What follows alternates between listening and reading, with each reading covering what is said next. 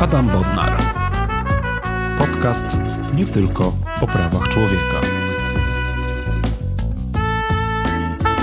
Szanowni Państwo, drogie słuchaczki, drodzy słuchacze, to jest podcast nie tylko o prawach człowieka, 15 odcinek podcastu. Rozmawiam z moimi gośćmi na różne tematy związane z przestrzeganiem praw człowieka, na temat standardów demokratycznych oraz praworządności.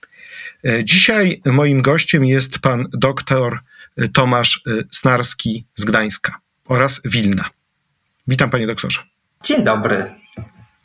Zaraz powiem o co chodzi z tym Wilnem, bo mam wrażenie, że Wilno jest częścią tożsamości pana doktora, ale pozwoli pan doktor, że y, przedstawię pana naszym słuchaczom i słuchaczkom. Otóż pan doktor Tomasz Snarski jest związany z Katedrą Prawa Karnego, Materialnego i Kryminologii Uniwers Wydziału Prawa i Administracji Uniwersytetu Gdańskiego.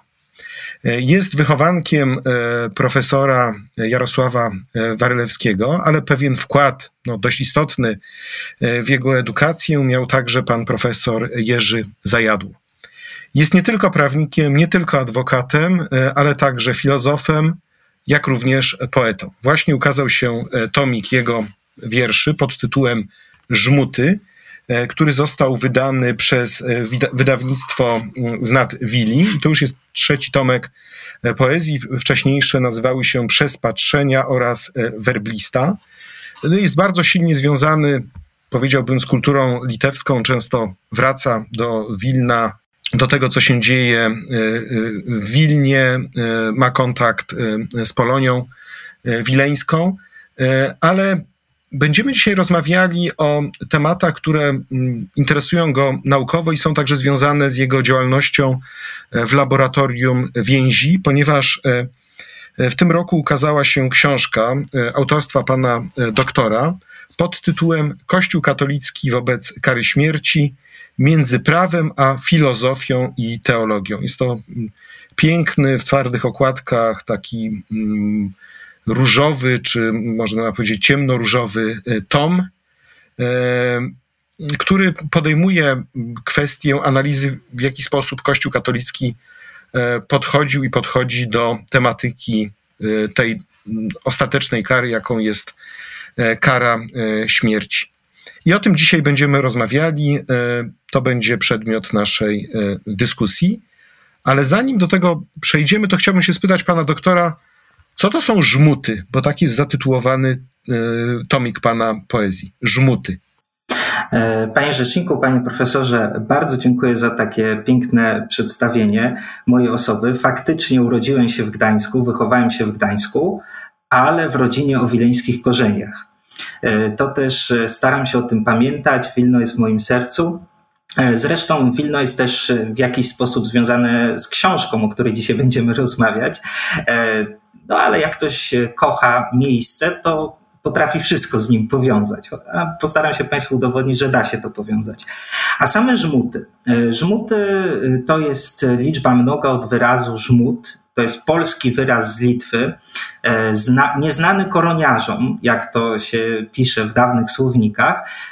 Użył go dla określenia tytułu swojej pracy o Mickiewiczu Jarosław Marek Rymkiewicz w latach 80.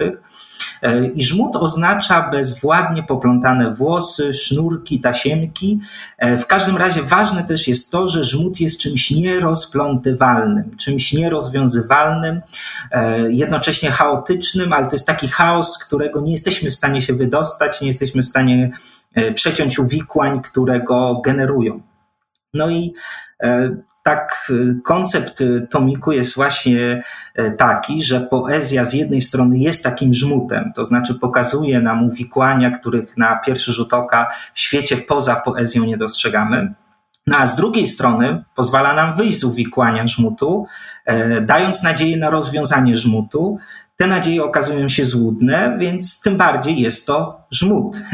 Żmutem może być wszystko w naszym życiu. Mogą być nasze zakochania, miłości, może być e, nasze doświadczenia życiowe, może być e, zbiorowe jakaś pamięć, historia, symbole, e, przeznaczenie. Żmutem może być nasza walka o wolną wolę w kontekście tego, co jest zdeterminowane w naszym życiu.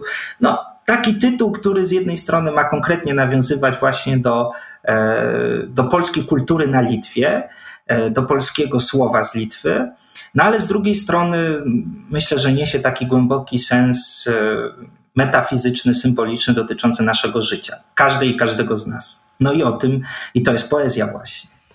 Życzę panu do, doktorowi, żeby udało się panu e, słowo żmud e, tak mocniej wprowadzić do powszechnego użycia w języku polskim, bo obserwując chociażby naszą rzeczywistość polityczną, to widzimy, ile tych problemów e, nierozwiązywalnych mamy do rozwiązania i nie wszystkie można przeciąć jak ten przysłowiowy węzeł gordyjski, tylko pewnie wymaga to szczególnej staranności ich rozplątywania. Natomiast chciałbym się pana doktora spytać o postać, e, której dedykowana jest e, pana książka.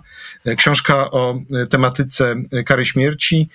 Pan wyraźnie wskazuje, że chciałby ją zadedykować profesorowi Jarosławowi Warylewskiemu. Kim był dla pana pan profesor Warylewski? Profesor Warylewski to jest może górnolotne dziś słowo i rzadko używane, ale był mistrzem w pełnym znaczeniu tego słowa jako jeszcze jako student, to był mój profesor od prawa karnego, u niego miałem egzamin z prawa karnego. E, potem zatrudnił mnie w katedrze prawa karnego, był moim przełożonym przez e, kilkanaście lat. E, był też jednym z promotorów mojej rozprawy doktorskiej obok profesora Zajadu, wspomnianego również. No ale przede wszystkim był takim wychowawcą, nauczycielem, mistrzem. To znaczy, mm, no, mnie nauczył kilku takich może mało modnych dzisiaj rzeczy ale po pierwsze takiej pokory w odkrywaniu e, prawdy i pokory wobec własnych test naukowych. E, to pamiętam jeszcze jako e, młody chłopak, gdy wydawało mi się, że napisałem jakąś glosę, że ona jest taka błyskotliwa, ważna, ciekawa. Wystarczyło jedne delikatne zdanie profesora, no i się nagle okazywało, że to wszystko nie jest takie cudowne, że jeszcze może być coś lepiej, że, ale to jednocześnie nie oznaczało, że należy swoje osiągnięcia w jakikolwiek sposób deprecjonować. Tak? Czyli to było takie, powiedziałbym, gdańskie nektemere nektimide. Nie z lękiem i nie z uchwałością. I tego e, profesor na każdym kroku uczył. Po drugie, mm, zawsze miał własne zdanie i nie, i nie bał się go bronić. E, czy to się dotyczyło humanizmu w prawie karnym, czy to się dotyczyło właśnie sprzeciwu wobec kary śmierci, wobec tortur w prawie karnym, czy też e, na przykład kontratypów pozaustawowych, która jest to kwestia taka dyskusyjna, sporna w doktrynie prawa karnego w Polsce, to zawsze można było liczyć e, na to, że profesor Warleski nie tylko, że ma swoje zdanie, ale że potrafi je bronić merytorycznie, ale też spokojnie, bez jakiejś e, emocjonalności, bez jakiegoś zacietrzewienia, właśnie w takiej trosce o prawdę, którą jak odkrył, to jej bronił. I wreszcie po trzecie, e, to, to takie przewodnictwo i mistrzostwo, nie, myślę, zwłaszcza w ostatnich latach, teraz dopiero to e, też bardziej dostrzegam, nie dotyczyło tylko ściśle działalności naukowej, dydaktycznej, organizacyjnej, ale takiego postępowania szlachetnego, uczciwego, sprawiedliwego życia. Jak tak patrzę teraz, to, to mogę z pełnym przekonaniem powiedzieć, że profesor Waryleski pozostanie dla mnie na zawsze autorytetem profesora, właśnie profesora.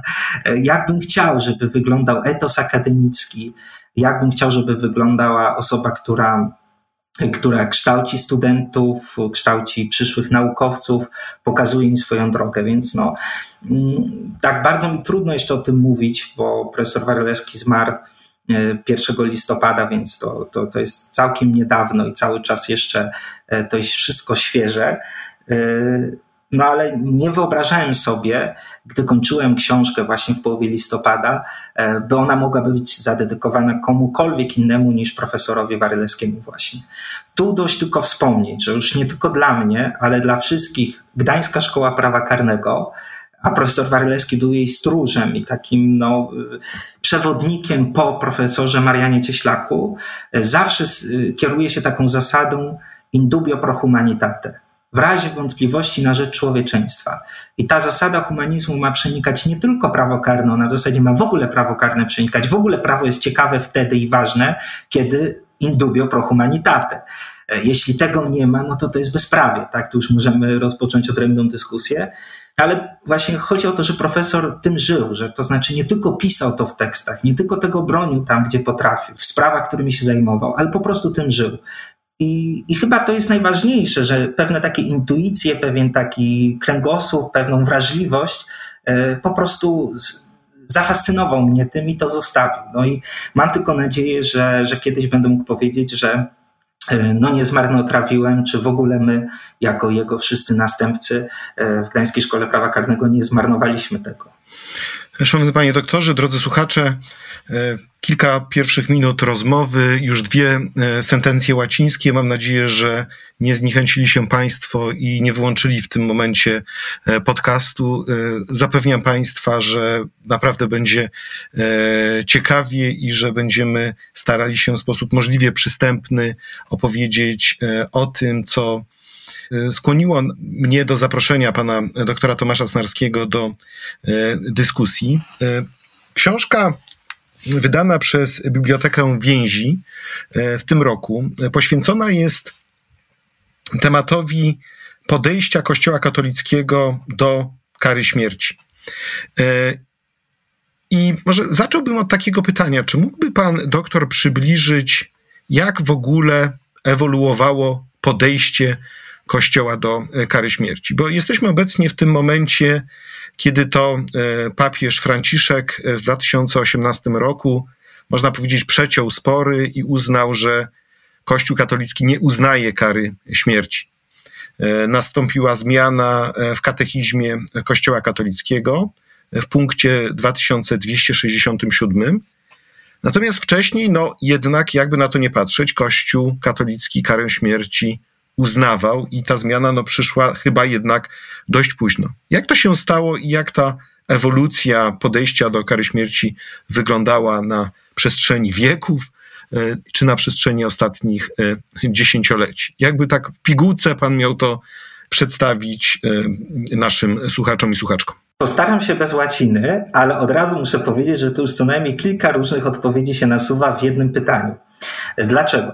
E, po pierwsze, dlatego, że papież Franciszek niestety albo stety e, jakby nie rozstrzygnął sporu. To znaczy ten spór o karę śmierci w filozofii, także w teologii katolickiej trwa, będzie trwał i dlatego tym bardziej uważałem, że potrzebny jest głos broniący abolicjonizmu katolickiego e, i uważam, że po prostu go brakowało w Polsce, e, ponieważ dotychczasowe prace, jeszcze powstające przed zmianą franciszkową, nazwijmy to, skupiały się na obronie retencjonizmu katolickiego. Nie wiem dlaczego autorzy katolicy tyle energii wkładali, żeby bronić abolicjonizmu, może zatrzymajmy się, na, żebyśmy wyjaśnili pojęcie. Abolicjonizm, czyli to jest ruch na rzecz zniesienia kary śmierci. Zniesienia kary śmierci albo sprzeciwiający się karze śmierci. A retencjonizm na rzecz utrzymania bądź wprowadzenia, rozumiem także. Albo przywrócenia kary śmierci, tak. Czyli, czyli mamy abolicjoniści i retencjoniści, dwie grupy, y, które mogą być skrajne wobec siebie, ale mogą być też umiarkowane nurty. O tym może przyjdzie powiedzieć. Natomiast to jest pierwsza sprawa, dlatego też, że żebyśmy mieli od razu jasność, że zmiana katechizmowa, no przecież nie, nie niweczy dyskusji. Tak samo jak wprowadzenie e, aktów z zakresu międzynarodowej ochrony praw człowieka, no nie niweczy dyskusji filozoficzno-prawnej. Dlatego ja osobiście jestem zwolennikiem tego, żeby zawsze mieć nadzieję na przekonanie zwolenników kary śmierci do zmiany stanowiska i by prowadzić z nimi spór po prostu merytorycznie, żeby z nimi rozmawiać. Druga sprawa jest taka, e, że jest ogromnym uproszczeniem, no może nie ogromnym, ale uproszczeniem, to, że Kościół uznawał karę śmierci do 2018 roku. E, po pierwsze, na przestrzeni dziejów stosunek Kościoła, a chrześcijaństwa w ogóle e, do kary śmierci był bardzo różnorodny. E, pierwsi chrześcijanie stronili od kary śmierci, w zasadzie nie chcieli mieć z nią nic wspólnego. E, ktoś, kto w jakikolwiek sposób w pierwszych wiekach chrześcijaństwa, jeszcze czasy przedkonstantyńskie, e, uczestniczyłby w wymierzaniu wyroku śmierci, był odsuwany od stołu pańskiego. Znaczy nikt nie chciał plamić z chrześcijan swoich rąk krwią. E, to było y, niepojęte dla pierwszych chrześcijan, którzy przecież po pierwsze nierzadko byli ofiarami kary śmierci, no a po drugie no sam Chrystus był przecież niewinnie e, skazanym na karę śmierci e, sprawcą który był ukrzyżowany w sposób wątpliwy proceduralnie, prawda? I w sposób, powiedzielibyśmy dzisiaj, nadający się co najmniej do rewizji tego orzeczenia. W związku z powyższym, e, no oczywiście potem był przełom konstantyński, Kościół stał się też e, bardziej związany z państwem. E, ten radykalizm ewangeliczny pierwszych wieków chrześcijaństwa przechodzi bardziej w, no, nazwijmy to publicystycznie, sojusz ołtarza z tronem, pojawiają się systematyczne wykłady usprawiedliwiające przypadki karania śmiercią, ale teraz ważna sprawa. Wielu myślicieli katolickich tym różnych świętych przywoływanych, y, to nawet jeśli oni dopuszczali karę śmierci, to jest to dopuszczanie w specyficznym znaczeniu tego słowa. Y, to znaczy, tam są zawsze wykonywanie kary śmierci, y, no, miało być tą ostatecznością, wręcz takim obrzydzeniem, przykrą koniecznością. Natomiast nigdy to nie było głoszenie kary śmierci przynajmniej w tych ogólnych poglądach filozoficzno-teologicznych, jako pewnej zasady dobrej. Oczywiście tu od razu trzeba powiedzieć e, błędy i wypaczenia Kościoła i je wypunktować. Mówię tutaj o udziale Kościoła w procesach inkwizycyjnych, o dwuznacznej roli w tak zwanych procesach oczary, w ogóle o pomyśle na to, żeby karać innowierców śmiercią, odstępców od wiary, heretyków, e, czyli nagle te pierwotne znowu ideały czy koncepcje to jest tak zresztą znany w filozofii społecznej e, i w ogóle filozofii argument równi pochyłej. Z tych przypadków granicznych nagle się to rozlało na przypadki zupełnie nie znajdujące usprawiedliwienia. To można powiedzieć tak jak kara śmierci za przestępstwa gospodarcze w PRL-u, zupełnie oderwane od tego, co teoretycznie się postuluje dla przypadków zupełnie niebezpiecznych przestępców.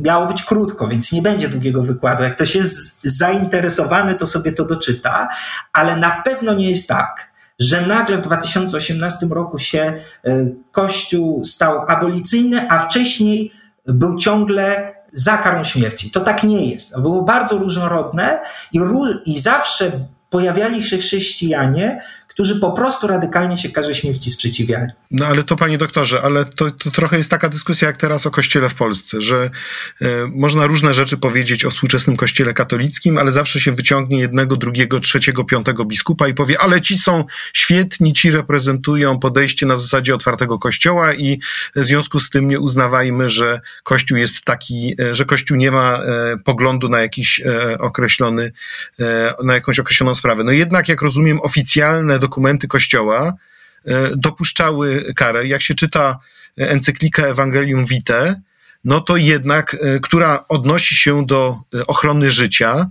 no to można w niej przeczytać o absolutnej ochronie życia nienarodzonego. Tak, używam terminologii z encykliki, bo sam bym użył innej terminologii. Natomiast w kontekście kary śmierci się jednak mówi, no jeżeli ktoś nie jest niewinny, popełnił e, przestępstwa, to w tej ostateczności ta kara może być stosowana, jest dopuszczalna. No tak mniej więcej brzmi e, encyklika Evangelium Vitae. No i to był jednak dokument, który e, no, stanowił o chyba oficjalnej polityce Kościoła katolickiego i to w czasach, e, kiedy już przecież e, na świecie były przyjęte różne dokumenty znoszące całkowicie i absolutnie karę śmierci, jak chociażby protokół numer 6 do Europejskiej Konwencji Praw Człowieka. To jak pan doktor rozstrzygnie taką, można powiedzieć, pewną niespójność, tak, między, między tym, co się dzieje wokół na świecie i tym, jak odchodzi się od kary śmierci, a Kościół no, dość powoli i, i słabym głosem o tym, o tym mówi? Znaczy, powiem tak, e, jeżeli chodzi o całą historię, o której mówiłem e, na przestrzeni dziejów różne stanowisko Kościoła, to trzeba wziąć jeszcze jedną sprawę pod uwagę. Do czasów oświecenia nikt na poważnie filozofii społecznej nie kwestionował kary śmierci. Znaczy, musimy o tym pamiętać. To więc e, tutaj musimy wziąć taki duży nawias, że czasy oświecenia. No i teraz możemy wziąć pod uwagę czasy oświecenia i od tego czasu rzeczywiście rozważyć, co się stało. No, wcale nie było tak, e, że e, to się wszystko zaczęło od Ewangelium Wite czy od Jana Pawła II, chociaż jeśli już kogokolwiek w cudzysłowie oskarżać o skierowanie Kościoła na tory abolicyjne, to papieża Polaka, a nie papieża Franciszka, e, więc te wszystkie pretensje pod adresem papieża Franciszka trzeba by było także kierować pod adresem Jana Pawła II. Natomiast już XIX, rzeczywiście jeszcze bardzo długo po Beccarii, niektórzy papieże potrafili się wypowiedzieć, nawiązując do filozofów starożytnych, że to jest taki człowiek, który jak zwierzę jest niebezpieczny, że w zasadzie dla niego najlepszą opcją jest śmierć, że to jest pewna już sprawa bez, bez, bez rozstrzygnięcia i rzeczywiście dopuszczali to i tutaj nie ma czego bronić. Kościół tutaj zostawał gdzieś w tyle z rozpoznaniem, że kara śmierci jest zamachem na świętość życia, którą sam głosił. Ja bym powiedział tak, z perspektywy ogólnej, nauki o świętości ludzkiego życia, e, tutaj nie można mówić o jakimś przełomie. Natomiast z perspektywy zastosowania tej ogólnej nauki do konkretnego przypadku, to znaczy do instytucji kary śmierci, no to jest duży przełom. To jest ogromny przełom i dobrze, że on nastał, ponieważ w, w tym momencie, w związku z rozwojem personalizmu katolickiego, zwłaszcza no, od Wojtyły, to już jest totalny triumf personalizmu. Czyli może, może przypomnijmy, personalizm to jest ta teoria, która zakłada, że każdy człowiek ma przyrodzoną, niezbywalną godność i która stała się e, podstawą do, e, można powiedzieć, nowo, nowożytnej koncepcji praw człowieka, e, czyli to się zaczęło, prawda, od Jacques'a Maritain i, i stanowiło podwaliny pod budowę uniwersalizmu praw człowieka. W takim uproszczeniu dokładnie tak, dość dużym. Natomiast można sięgać, jeśli chodzi o personalizm, po Boecjusza, twórcę pierwszej definicji osoby, po spory o Trójcę Świętą, ale można też powiedzieć, że e, Wojtyła szedł dużo dalej na przykład od Akwinaty, czyli że ten personalizm on przekracza te takie e, Tomaszowo z Akwiny rozważania i osobę kładzie w centrum w ogóle całego systemu wartości. Znaczy człowiek, człowiek jest, ma swoją godność dlatego, że jest człowiekiem. To jest tak, filozoficznie to się mówi, to jest ontyczno-aksjologiczny byt, ontyczno-aksjologiczna ocena. To znaczy, że po prostu dlatego ma godność, bo jest. I koniec. Tylko dlatego nie potrzebuje żadnego uzasadnienia. To jest coś dalej. I, I to rozeznanie y, wartości osoby no nie było takie y, w XIX wieku, w XVIII, XVII, ani wcześniej. To znaczy ten tryumf personalizmu katolickiego też ma tu ogromne znaczenie i musimy go wziąć pod uwagę. No i teraz y, odnosząc to właśnie do pytania o to, czy nauczanie o karze śmierci było spójne z personalizmem katolickim, no nie. No nie, to znaczy, jeśli się uznaje świętość życia, jeśli się mówi, że w każdej formie, w każdym momencie, od y, samego początku, tutaj właśnie sporo początek ludzkiego życia, ale już nazwijmy to mówiąc od, od samego poczęcia, mówiąc językiem Kościoła, aż do naturalnej śmierci, czyli każde życie, czy, czy chore, czy bardziej jakościowe, mniej jakościowe, czy życie właśnie obarczone winą moralną jest święte, no to skoro tak, i Pan Bóg jest y, Panem życia i śmierci każdego człowieka i nikt nie ma prawa decydowania o jego życiu, to nie można było dalej utrzymać tego wyjątku w odniesieniu do, y, do zbrodniarzy, mówiąc tak brzydko, kolokwialnie, ale do sprawców po prostu przestępstw, którzy byli skazywani na karę śmierci. Tego się nie dało dłużej utrzymywać. Ale tutaj też chcę powiedzieć, że były wypowiedzi, pojawiały się w XX wieku wypowiedzi episkopatów wielu krajowych, zwłaszcza y, w krajach zachodnich, które stopniowo, stopniowo nawet wyprzedzały to, co Watykan mówił, sprzeciwiając się karze śmierci. Więc to też nie jest tak, e, a poza tym jeszcze jest jedna kwestia. Co to jest nauczanie społeczne Kościoła? I co się, y, to, ja omawiam to trochę, odwołuję się zresztą do profesora Widackiego w książce, e, że, że sprawa nie jest taka prosta, nie jest taka jednoznaczna, tak? Dlatego, że Oczywiście katechizm Kościoła katolickiego jest jakąś próbą no, y, doktrynalnego ułożenia tego w takie proste ramy właśnie, powiedziałbym, taki podręcznego wademekum dla każdego, kto chce się zapoznać. No ale przecież w tym się nie wyczerpuje nauka społeczna Kościoła. Przecież jest e, Ewangelia przede wszystkim, Pismo Święte, tradycja, e, no, no, no prymat jest objawienia i to wszystko, e, o tym bardzo trudno po prostu mówić i trudno pisać. Tutaj trzeba sobie zdawać sprawę, że praktycznie w każdej momencie, jak mówimy, mówimy personalizm, jak mówimy e, właśnie nauczanie społeczne Kościoła, jak mówimy nauczanie papieży, e, to dokonujemy pewnych uproszczeń. Tak samo jak mówimy o Kościele.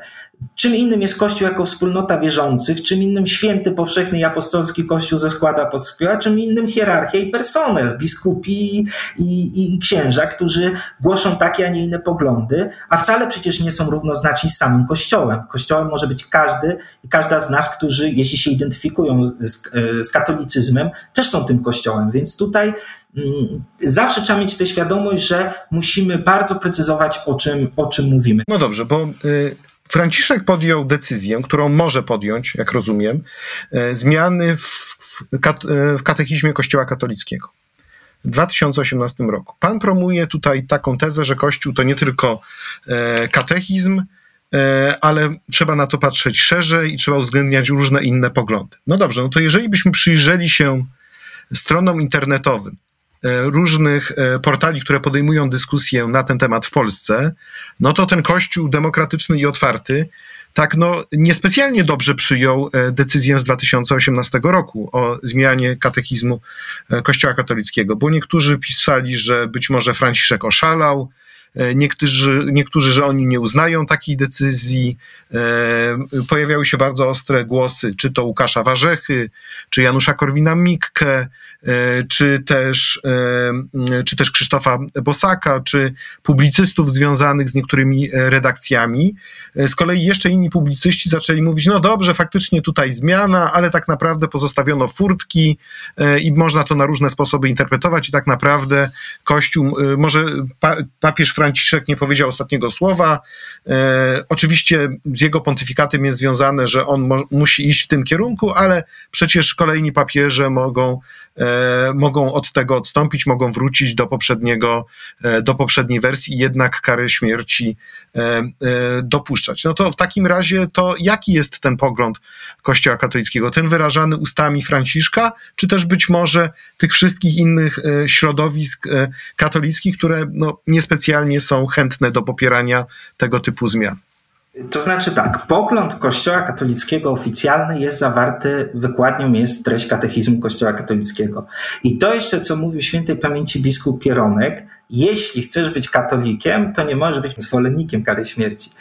E, jeśli ktoś dzisiaj jest zwolennikiem kary śmierci i jednocześnie mieni się być katolikiem, no to musi się na poważnie zastanowić nad, nad tym, w co wierzy i co wyznaje. A myśli pan e, doktor, że arcybiskup Jędraszewski, e, czyli e, ten, który teraz jest przedstawicielem Watykanu w Krakowie, myśli dokładnie tak samo, jak myślał biskup Pieronek? Ufam, że Boże miłosierdzie jest większe od wszystkich ludzkich słabości i że łaska Ducha Świętego stąpi na arcybiskupa Jędraszewskiego i że zgodnie z tym, co mówi papież Franciszek, jest przeciwnikiem kary śmierci. Możemy go zapytać. Nie wiem, jakie ma w tym zakresie poglądy. Ja mogę powiedzieć tylko tyle, że te wszystkie głosy, które pan e, rzecznik, pan profesor był łaskaw yy, przywołać, jednak jak robiłem kwerendy do książki, były odosobnione, to znaczy poważne głosy katolickie.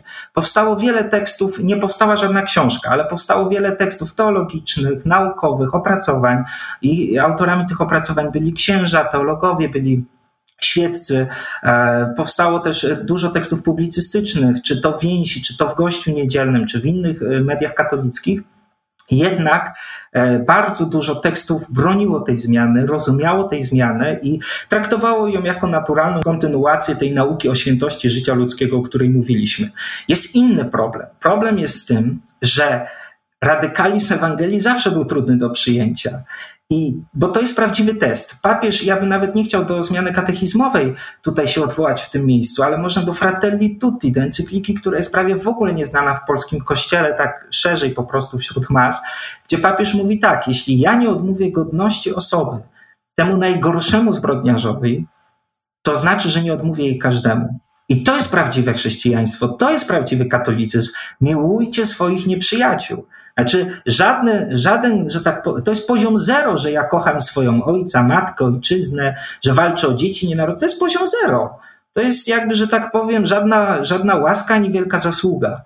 Ale miłość nieprzyjaciela to jest dopiero wyzwanie katolika. No jeśli ktoś y, uważa, że chrześcijaństwo da się sprowadzić do y, takiej przyjaznej y, pogadanki na zasadzie kochajmy tylko tych, którzy nam dobrze czynią, to nie doczytał Ewangelii. I czy to będzie papież, ja tylko powiem, czy to będzie papież mówił, czy to będzie mówił biskup, czy to będzie mówił katolicki publicysta, jeśli wytnie kazanie na górze, Ewangelię, tą Ewangelii, no to, to wytnie po prostu istotę chrześcijaństwa. W związku z tym ja bym się tak nie przejmował tymi wszystkimi głosami. Ja myślę, że one wynikają z tego, że po pierwsze z takiej dużej powierzchowności i tego przyjmujemy to, co wygodne, to, co niewygodne odrzucamy. A papież Franciszek naprawdę zadaje nam tyle ważnych tematów. To już mówi o karze śmierci, mówi o, o trosce o planetę, mówi o dialogu międzyreligijnym, ale gdyby się wczytać w to, co on mówi, to on naprawdę nie odkrywa czegoś nowego. Dla kogoś, kto głęboko żyje e, wiarą, Ewangelią, to Tutaj on nie odkrywa żadnej Ameryki przed nami. To jest rewolucyjne w swojej formie, może czasami w swoim, w środkach przekazu papieża Franciszka, ale dla kogoś obeznanego z Ewangelią tu nie ma nic radykalnego ani nic e, e, dziwnego, a jeśli to jest szalone, to tylko szalone w pięknie Ewangelii, bo rzeczywiście trzeba być czasami takim szalonym we, w tym ewangelicznym niesieniu e, przesłania o miłości bliźniego. No to, to, to jest tylko zaleta. Ja powiem tak, ja miałem dwa momenty, kiedy czytałem e, encykliki. To, to nie jest rzecz, którą się zajmuję, no ale czasami przygotowuję się do różnych wystąpień i wypada co nieco przeczytać. I pamiętam, że jak czytałem encyklikę e, Laudatio Si e, o ochronie środowiska, no to akurat w tym samym czasie wycinano w Polsce Puszczę Białowieską i kompletnie nikt w tym państwie, w którym tak wiele osób, w tym ówczesny minister środowiska się mocno odwoływał do do kwestii związanych ze swoją wiarą. Nikt się kompletnie encykliką nie przejmował. A z kolei jak czytałem Fratelli Tutti, to akurat było w samym środku e, po prostu ataku e, homofobicznego ze strony także Kościoła katolickiego na osoby LGBT. Także tak to mniej więcej z tymi encyklikami, tak, takich przełożenie na nasze życie praktyczne w ojczyźnie wygląda.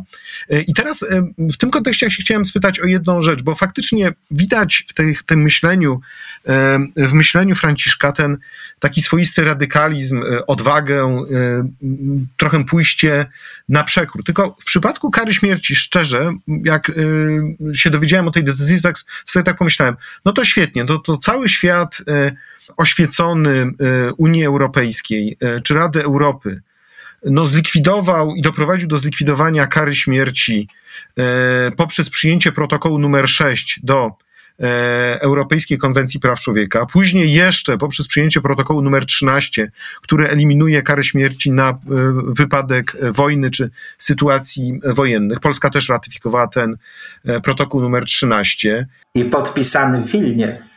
O, proszę.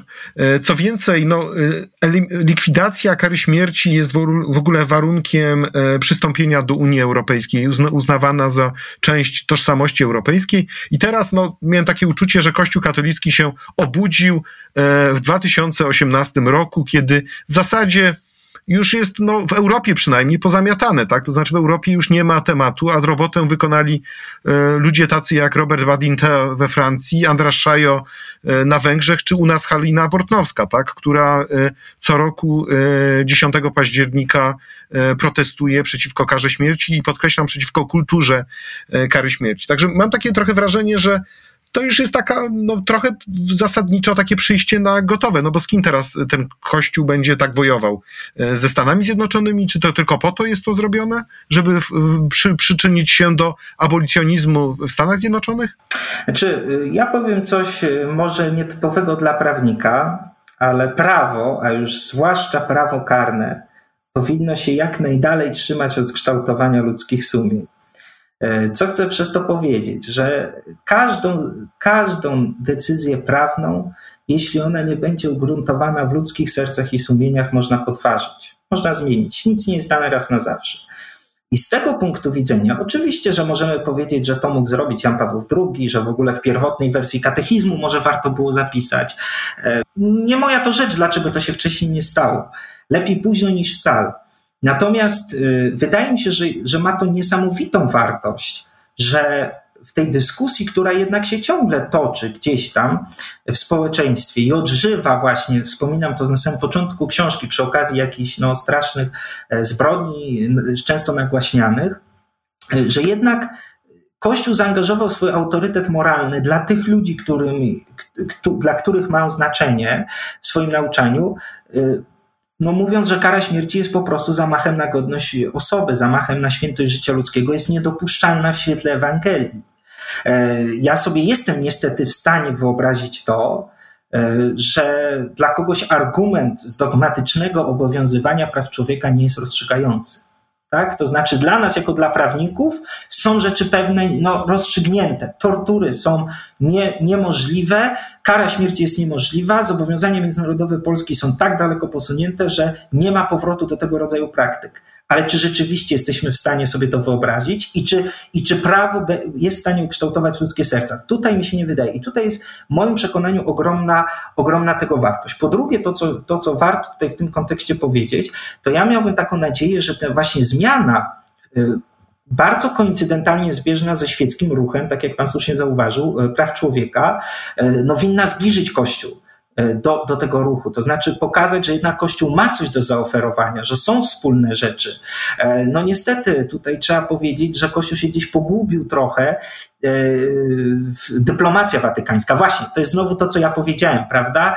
Z tego, co mi wiadomo, to na przykład jeśli były rezolucje podejmowane dotyczące penalizacji zachowań homoseksualnych, to tutaj no, było pewne ustąpienie pola, a tutaj uważam, że watykańska dyplomacja powinna być pierwsza za tym, żeby w ogóle głosować za dekryminalizacją tego rodzaju, e, tego rodzaju czynów zabronionych, tego rodzaju przestępstw, właśnie z uwagi na godność człowieka. Więc może to jest taki krok do tego, żeby pokazać, że jednak Kościół może nawiązać dialog ze współczesnym światem praw człowieka.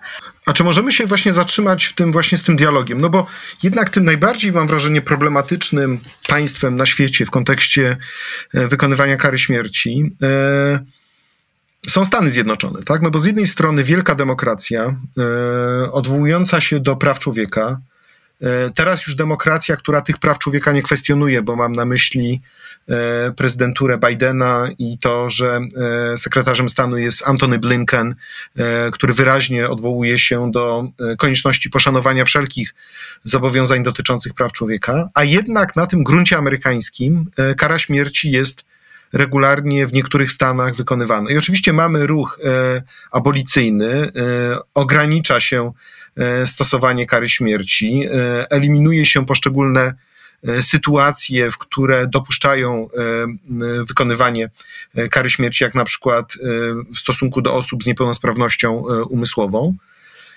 Niemniej jednak kara jest cały czas wykonywana. Czy teraz, czy w kontekście tej zmiany w katechizmie Kościoła katolickiego Kościół będzie miał i Watykan będzie miał y, większe argumenty, mocniejsze argumenty, żeby wpływać na y, to, co się dzieje wewnątrz y, Stanów Zjednoczonych? Ja tutaj nie chcę się wypowiadać politologicznie czy w sprawach międzynarodowych, bo nie jestem od tego ekspertem, a dużo ludzi w Polsce ma taką manierę, że się wypowiada we wszystkim, niekoniecznie we wszystkim, w czym jest ekspertem. Ale jest pan, jest pan filozofem i poetą jeszcze, nie tylko prawnikiem, ale filozofem i, i poetą i, i może pan sobie pozwolić na taki komentarz. Jak pan uważa? No, ale jako właśnie filozof czy, czy, czy amator teolog, e, to mogę powiedzieć tak, że ta zmiana jest ważna w kontekście uniwersalizmu Kościoła.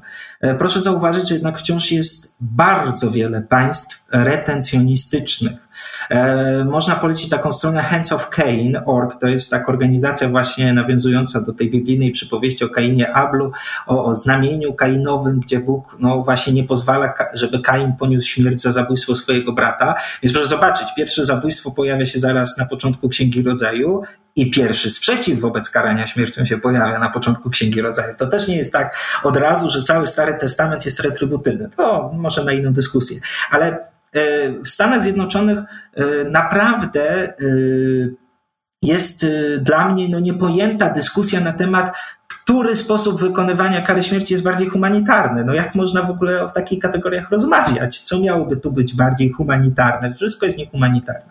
W ogóle sama nazwa kary śmierci powinna w moim przekonaniu ulec zmianie i powinniśmy mówić o karze e, zabicia, czy zabójstwa, czy po prostu karze pozbawienia życia. Wtedy po prostu będzie to taki nie eufemizm, że po prostu gdzieś my tam nie odpowiadamy za to, tylko decydujemy się na zabójstwo człowieka.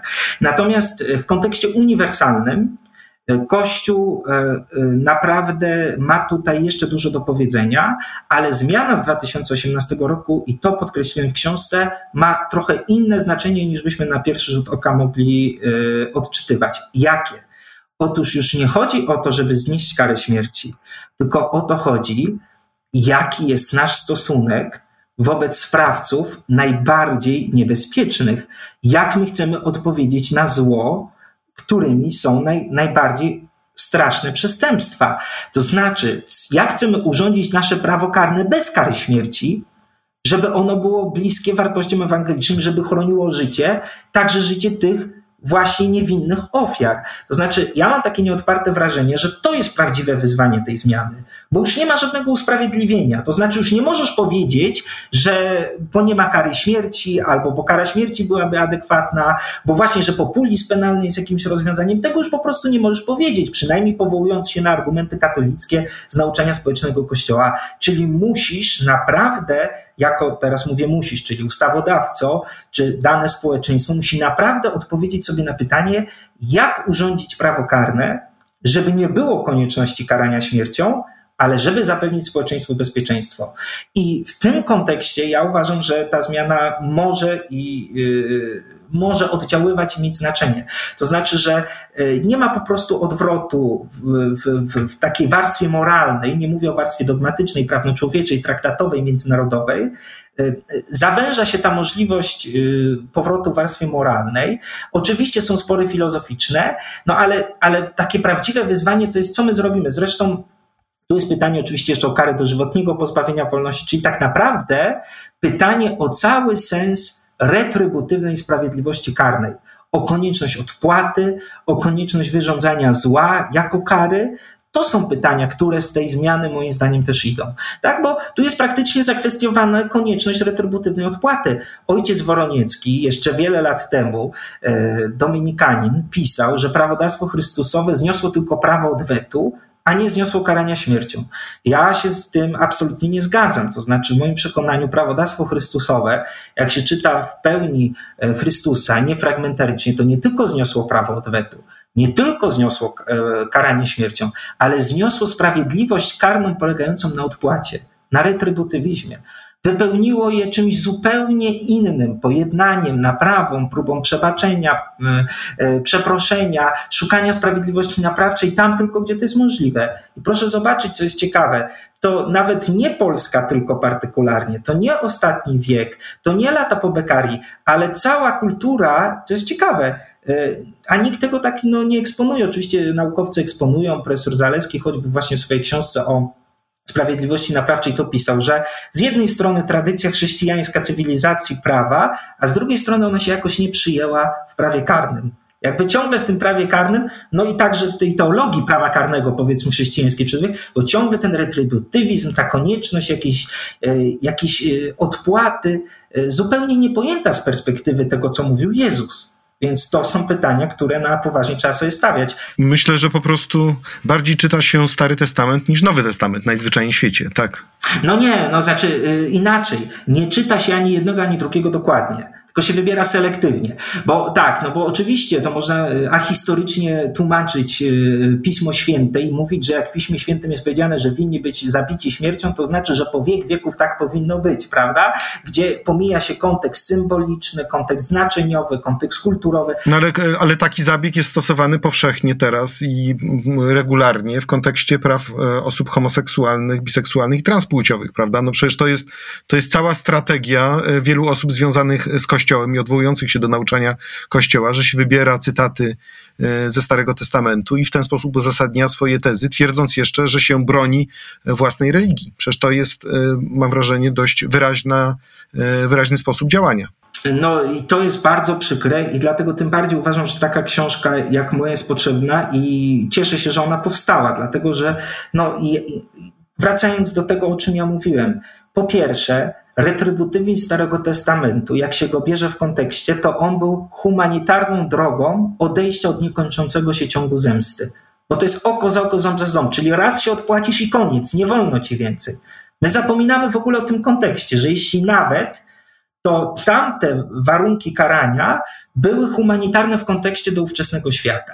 Po drugie, i to przywołuję w książce, no, choćby ksiądz błogosławiony Michał Sopoćko wyliczył, Ile razy w Starym Testamencie pada miłosierdzie? No choćby z Księgi Psalmów. Miłosierny jest Pan i łaskawy, nieskory do gniewu i bardzo cierpliwy. Nie postępuje z nami według naszych grzechów, ani według win naszych nam nie odpłaca. To nie jest tak, że, że, że, że w Starym Testamencie Bóg to jest tylko ten karzący retrybutywista, e, a w Nowym Testamencie to jest ten Bóg miłosierny. Miłosierdzie jest tym przymiotem Boga, o tym mówi Franciszek od zawsze, no bo inaczej być po prostu nie może.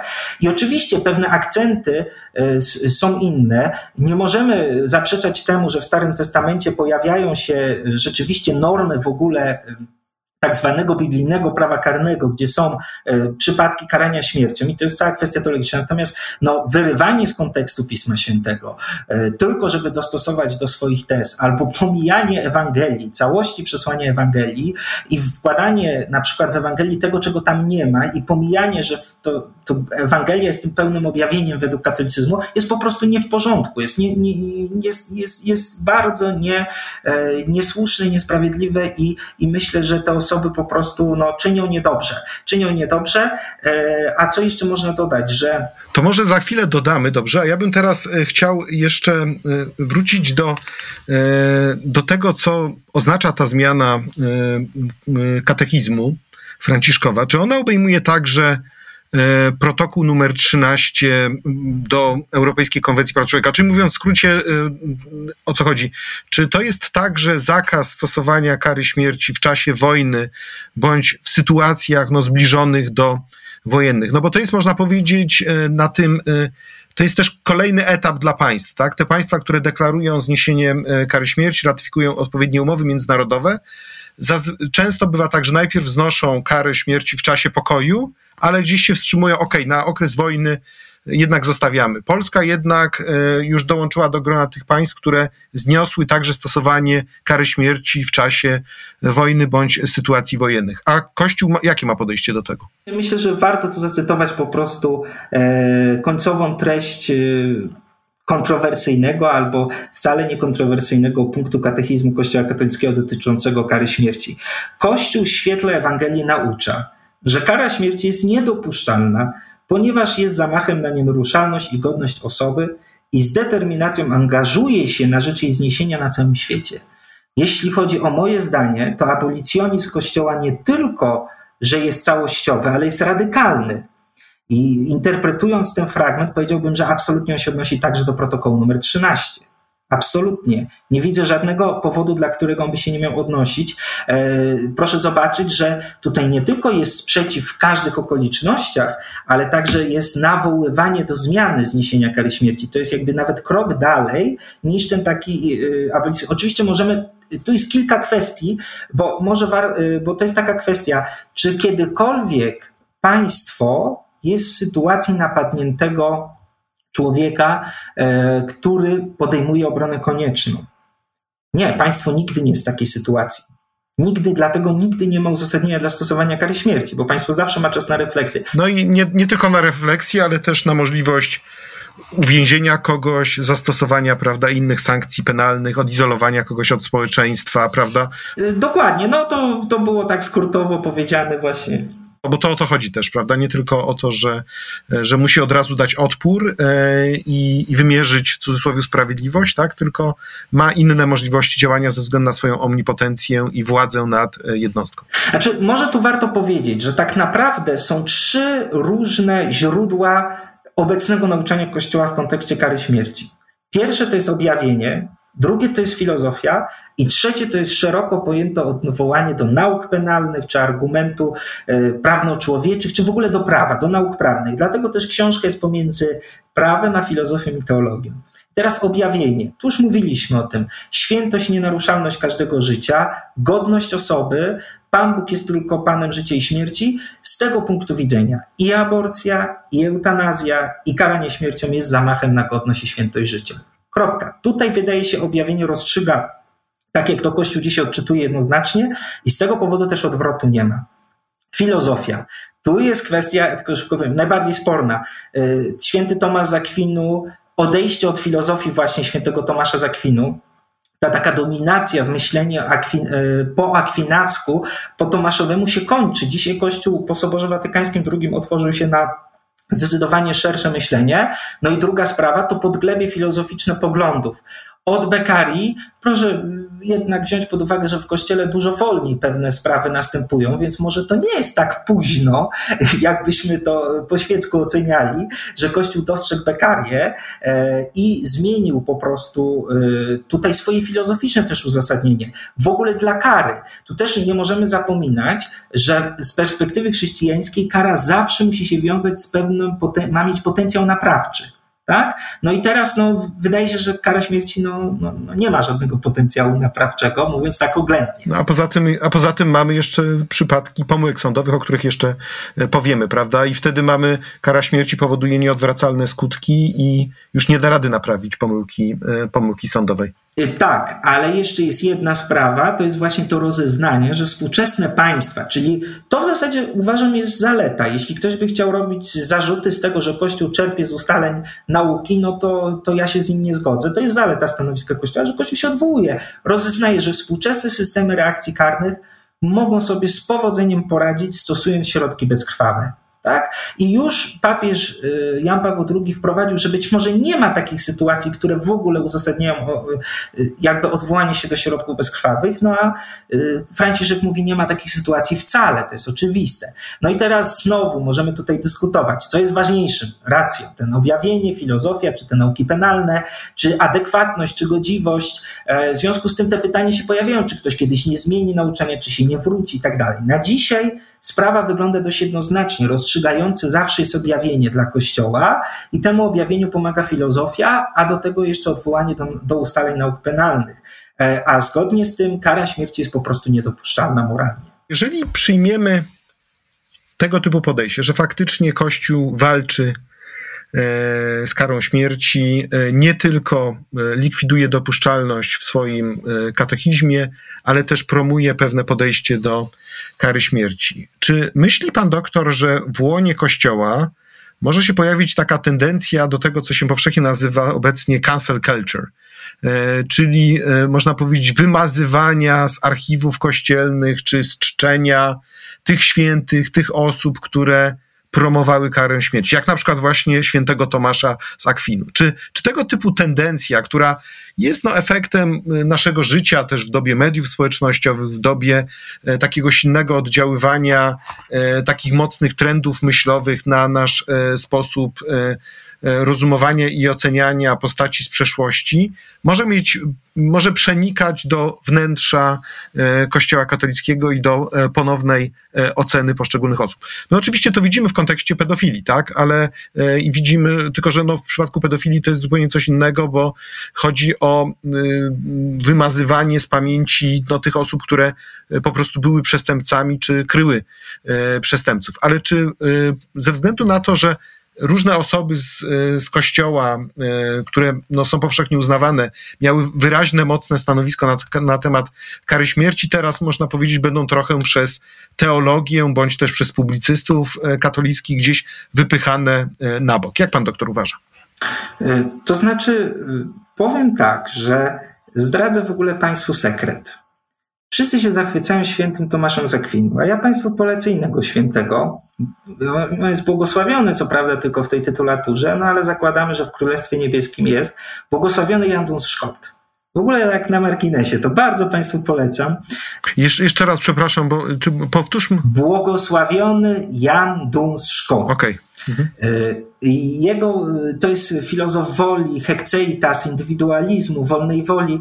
Y, kiedy Tomasz mówi, że musisz poznać Pana Boga i jak go poznasz, to już musisz go kochać, no bo jak go znasz, to musisz go kochać. Szkot mówi tak, możesz Boga znać, a go nie kochać. I gorsze jest nienawidzić niż nie znać. Szkot jest wspaniałym, zapomnianym, świętym, e, no mniej więcej z czasów Tomaszowych. To tak na marginesie sobie pomyślałem, że warto, że może gdyby ta taka dekapitulacja czy, czy, czy, czy detronizacja pewnych świętych miała nastąpić, to może poprzez to, że odkryjemy tych, o których zapomnieliśmy. No bo Szkot jest na przykład trudniejszy, dlatego się go rzadziej uczy, na przykład w seminariach wykłada, no bo Tomasz jest tak, no z przyzwyczajenia. A teraz na poważnie, znaczy to też było na poważnie, ale tak bardziej konkretnie odpowiadając na Pańskie pytanie. E, nie wydaje mi się, żeby taka możliwość była, no bo ktoś, kto raz jest świętym, jest rozeznany ze świętym, świętym jest na zawsze, a z perspektywy jego oceny, to ja bym chciał Tomasza bardzo obronić. Po pierwsze, Jak się patrzy całościowo na Tomasza, wybitny badacz y, świętego Tomasza, Etienne Gilson, mówi tak, że y, trudno powiedzieć, żeby on był zwolennikiem zabijania. To znaczy jego wykład, jeśli już, może to się komuś wydawać bardzo kontrowersyjne, i to już nie jest Gilsonowe, tylko moje, by przypominał Bekarię. Bo przecież i Bekaria nie był abolicjonistą skrajnym w dzisiejszym rozumieniu tego słowa. To znaczy i Bekaria nie wykluczał przypadków możliwego karania śmiercią. I Tomasz tego dokładnie mówi tak jak Bekaria, znaczy zupełnie inaczej, ale dokładnie. To znaczy on mówi o absolutnie ograniczonych przypadkach, kiedy jest pewny wyrok, kiedy nie ma innych możliwości, etc., etc., y, to jest coś, co absolutnie w ogóle najlepiej, żeby tego nie było.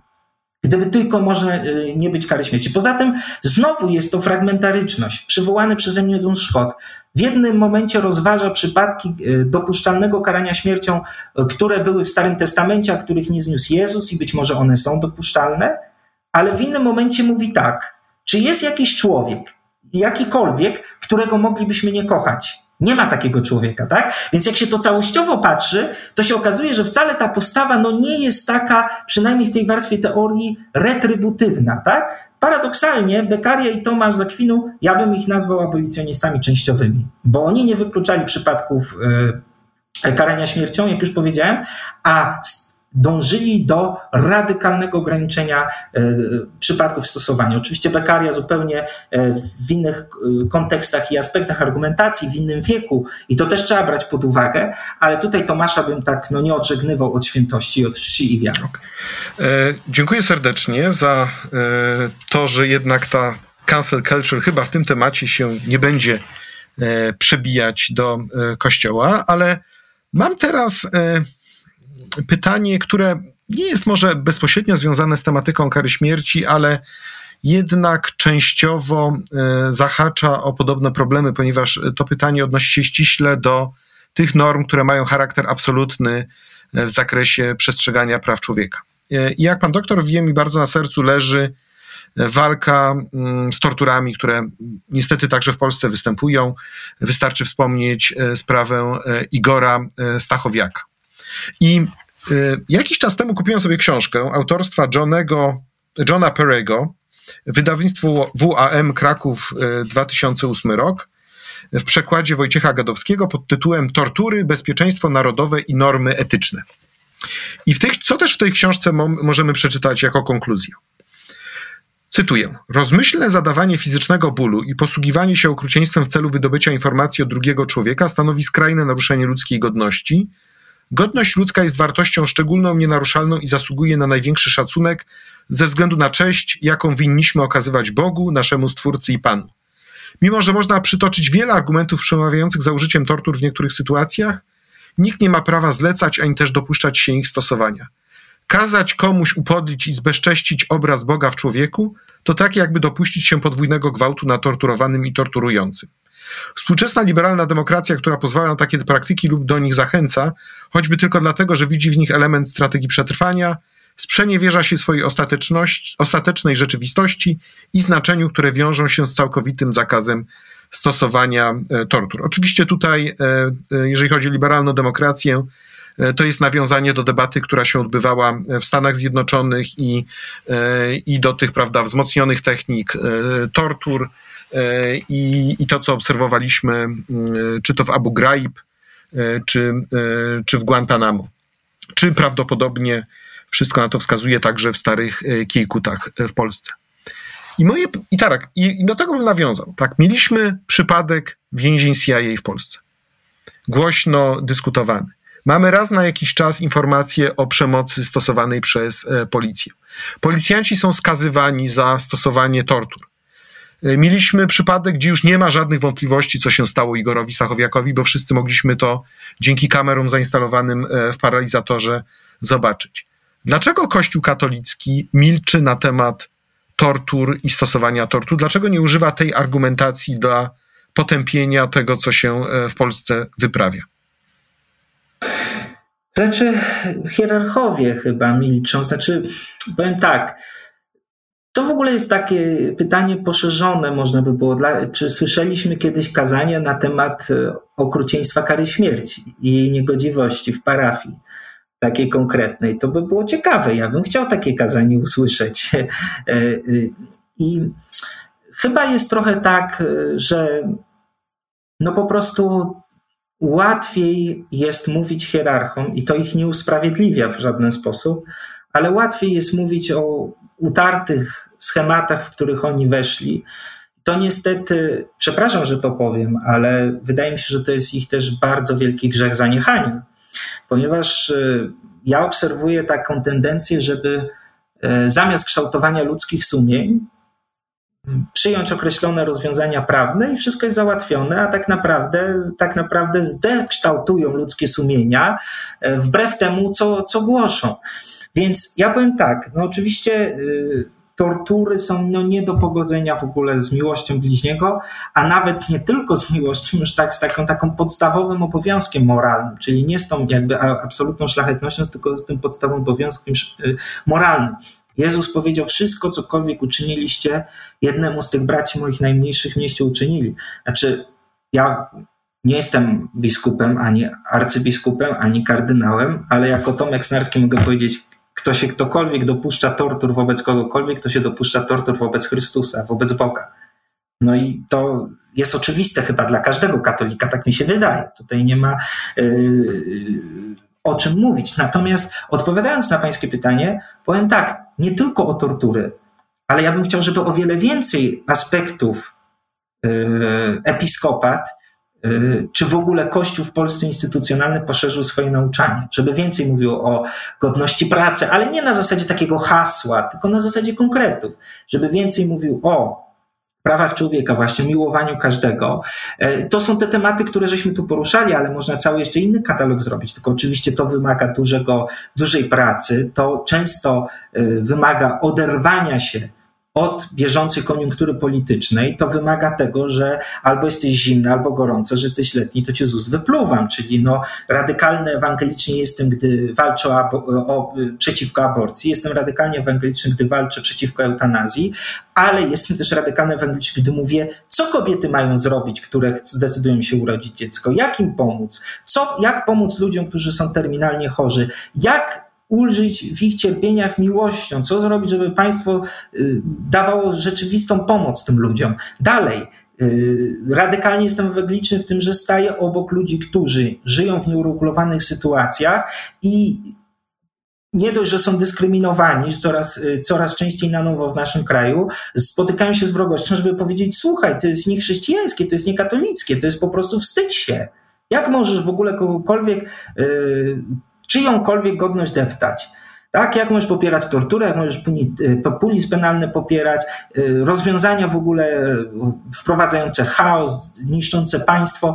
To jest, o, już nie mówię o obronie konstytucji, to też jest grzech w pewien sposób, ale nie obrona konstytucji, tak jakby to chcieli niektórzy, tylko właśnie niszczenie konstytucji i, i, negowanie naszej wspólnoty. No tutaj nawet mieliśmy, mieliśmy jeden głos, e, pamiętam dość dobrze, e, arcybiskupa Gondeckiego e, w lipcu 2017 roku, kiedy to na ten głos nawet prezydent Duda się powołał, wetując dwie ustawy, ale później, jak zostały przyjęte prawie bardzo podobne ustawy, to już głosu Kościoła zabrakło i obrony trójpodziału władz. Znaczy, ja jestem trochę w trudnej sytuacji, bo bo te pytania y, są no, trochę jakby nie do mnie. Ale ja te pytania zadawałem, e, ja te pytania zadawałem publicznie arcybiskupowi e, Polakowi, e, także jakby czuję się usprawiedliwiony w tym, że, że tutaj taką rozmowę prowadzę. A ja się wcale nie obrażam, ja tylko powiem, ja się wcale nie obrażam na te pytania, ale też uważam, że jakość naszego kościoła i naszej hierarchii jest jednak pochodną jakości naszej wiary in genere. I my musimy naprawdę na poważnie zastanowić się, czy to, że się tak mienimy w cudzysłowie katolikami, czy to jest w porządku. To znaczy, jeśli mnie by pan zapytał, to ja powiem, ja nie uważam, żeby w Polsce była większość katolików.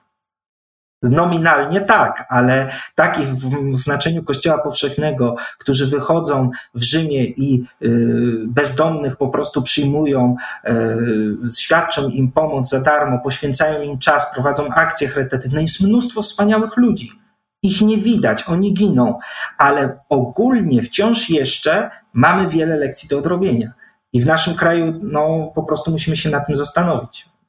To już na sam koniec porozmawiajmy jeszcze przez chwilę o jednej lekcji do e, odrobienia. Ja pamiętam, że byłem pod wielkim wrażeniem e, czynów i słów Haliny Bortnowskiej, e, która no nie tylko co roku w dniu przeciwko karze śmierci protestuje, pisze listy, czasami stoi z jedną świeczką pod ambasadą amerykańską zazwyczaj, E, pisze e, swoje mm, wpisy na, na blogu, mm, artykuły publicystyczne, ale także mówi, że ona zdaje sobie sprawę z tego, że w Polsce nie ma kary śmierci jako kary, jako takiej, e, ponieważ ze względu na członkostwo w Unii Europejskiej, ratyfikację tych dwóch protokołów do Europejskiej Konwencji Praw Człowieka, zmianę kodeksu karnego, przyjęcie konstytucji, kary śmierci po prostu nie stosujemy.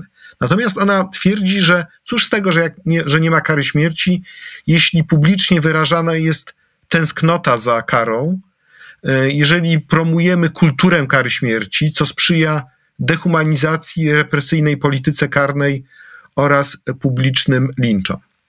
I moje pytanie do y, pana doktora jest następujące. No bo mamy, y, myślę, że dość przełomowe wydarzenie w naszej y, debacie publicznej, a mianowicie sprawę Tomasza Komendy. Sprawę Tomasza Komendy, która myślę, że jak mało która uruchomiła publiczną wyobraźnię na temat tego, co to oznacza być ofiarą pomyłki sądowej, ale także być ofiarą nagonki, która doprowadziła do skazania i odbywania wieloletniej e, kary pozbawienia wolności w strasznych warunkach. E, I co więcej, sprawy, która później uruchomiła bardzo ciekawy proces odszkodowawczy, który już się zakończył, e, o ile wiem, nie będzie odwołania do sądu drugiej instancji. No i proces, który się zakończy, zakończył tym wielomilionowym, dwunastomilionowym zadośćuczynieniem i odszkodowaniem na rzecz Tomasza Komendy. Podkreślmy tutaj reprezentowanego przez pana profesora E, Zbigniewa e, Świąkalskiego. Moje pytanie jest następujące. Czy myśli pan, że sprawa Tomasza Komendy może zmienić e, właśnie taką kulturę kary śmierci w naszej ojczyźnie? Czyli takie myślenie w kategoriach przywróćmy, dopuśćmy, czyli w tym kierunku retencjonistycznym, albo w kierunku no, tego właśnie populizmu prawnego, że chociaż wiemy, że nie ma szans prawnych i politycznych na wprowadzenie, to my i tak igramy z ogniem i cały czas powtarzamy, że my jesteśmy za, bo e, wiemy, że to się po prostu podoba e, e, wyborcom. Jak pan, jak pan ocenia wpływ potencjalny tej sprawy Tomasza Komendy na naszą debatę publiczną? To znaczy, tutaj będę bardzo jednak umiarkowanym optymistą. Nie sądzę, żeby to zmieniło na, na długotrwale poglądy polskie. Jestem tego zdania, że tylko ustawiczna, organiczna, nieustająca praca, edukacja u podstaw jest w stanie coś w długofalowym kontekście zmienić.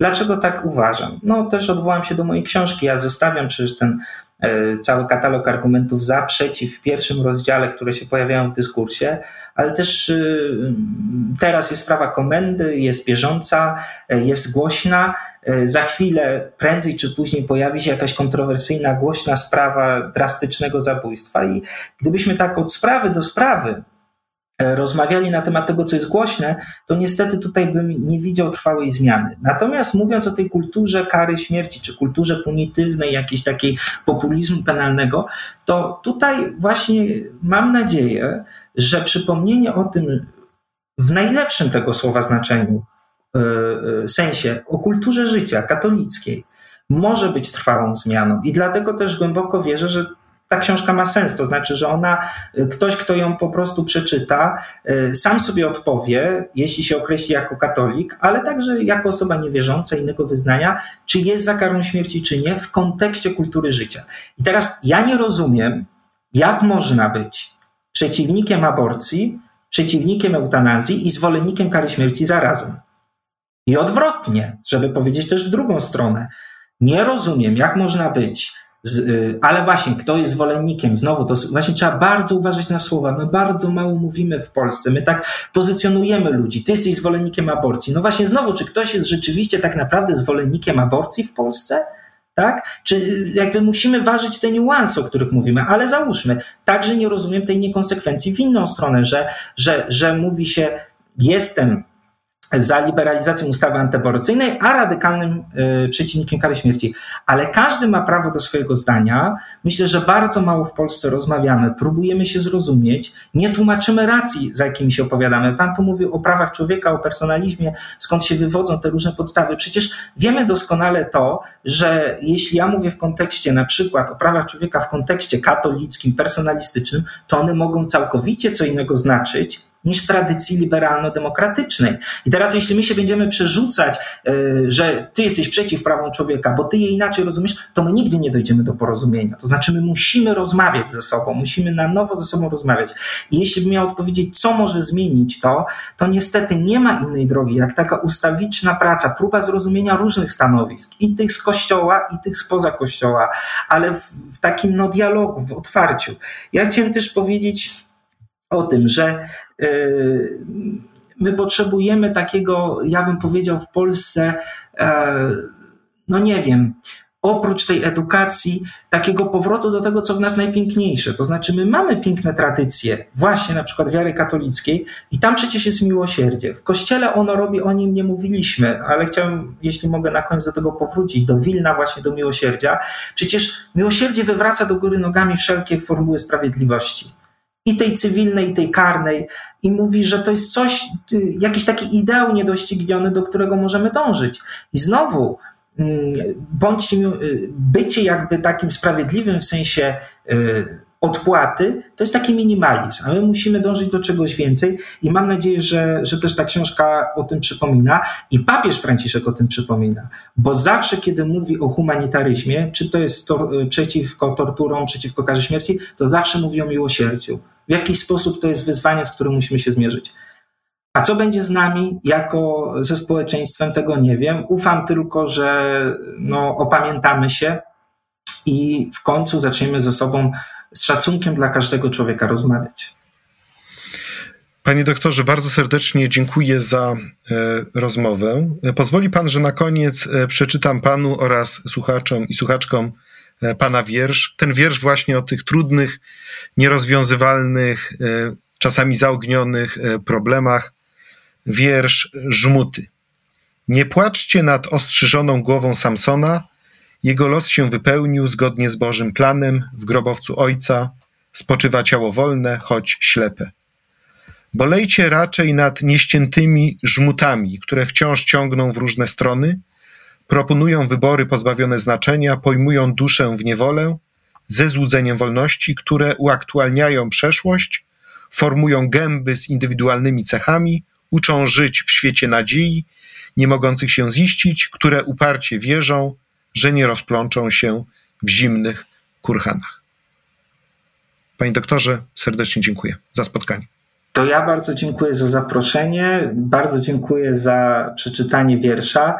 E, mam nadzieję, że nasza rozmowa nie była takim totalnym żmutem i że ktoś zainteresowany, sięgając po książkę, rozplącze chociaż jeden ze żmutów, a mianowicie ten, że w sporze o to, czy kara śmierci jest godziwa, czy nie, opowie się za tym, że jest po prostu niegodziwa zawsze. Adam Bodnar. Podcast nie tylko o prawach człowieka.